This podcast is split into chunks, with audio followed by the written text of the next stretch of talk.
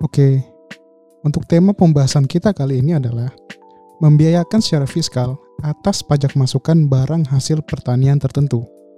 Pertama kita harus paham satu peraturan, yaitu pasal 5 ayat 1 PMK nomor 89 tahun 2020 yang menjelaskan bahwa pajak masukan atas perolehan barang kena pajak dan atau jasa kena pajak sehubungan dengan penyerahan barang hasil pertanian tertentu yang menggunakan nilai lain sebagai dasar pengenaan pajaknya tidak dapat dikreditkan.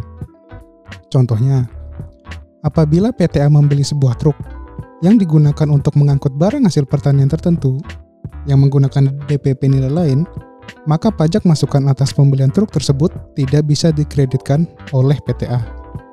Lalu, atas pajak masukan yang tidak bisa dikreditkan tersebut, apakah bisa dibiayakan secara fiskal? Jadi begini jawabannya.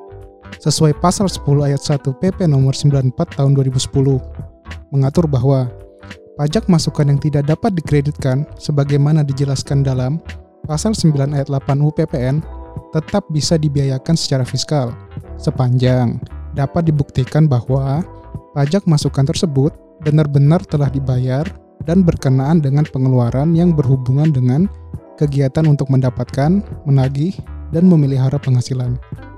Maka, pajak masukan atas perolehan BKP dan atau JKP sehubungan dengan penyerahan barang hasil pertanian tertentu yang menggunakan DPP nilai lain dapat dibiayakan secara fiskal.